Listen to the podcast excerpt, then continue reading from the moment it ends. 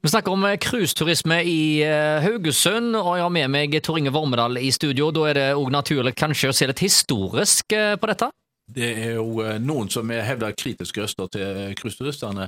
Så kan jeg jo fortelle deg at det, var, det gjorde en jo òg i gamle dager. Nå var det jo ikke det kaianlegget, vi kunne ikke ta imot noe særlig Vi har hatt cruiseturister innom byen her før da, men i mye mindre målestokk. Men det som var kritisert eh, da, det var eh, i, eh, når keiser Wilhelm kom med flåten sin og gikk inn f.eks. i Hardangerfjorden. Mm. I 1914 så hadde han med seg 28 krigsskip. Oi! Da, og altså, Han reiste fra fjord til fjord da, og, for å se på den vakre naturen vår. Da. Og det, Av en eller annen merkelig grunn så, så var det liksom ingen begrensninger på hvordan de da okkuperte landet.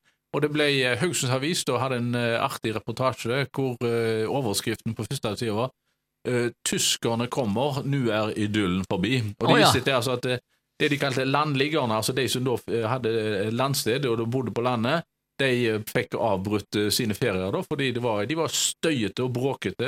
altså Du kan tenke deg svære krigsskip som ligger inne i mm. Hardangerfjorden, og mange av de skulle til land, og de, de gikk jo da på kull disse skipene, så det var jo svart i røyk eh, rundt omkring.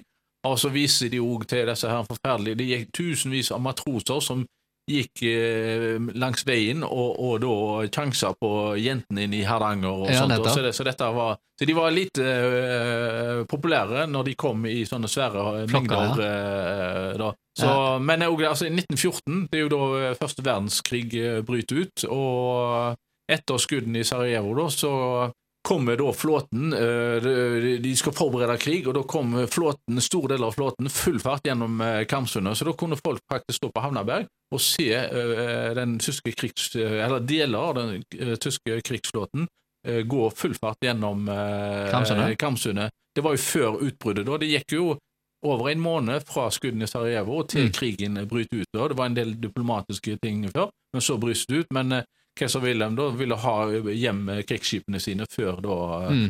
Eh, krigsutbruddet i begynnelsen av august 1914. Eh, I alle fall, Turister ble kritisert den gangen òg, når de kom i for store mengder. Ja, nettopp. Litt turister, så det er ikke noe nytt? Ja, altså litt, litt, turister er bra, men når det blir for mye, ja. så eh, Denne samme debatten har de jo hatt i Bergen og Stavanger. Der ja. har de òg satt eh, grenser.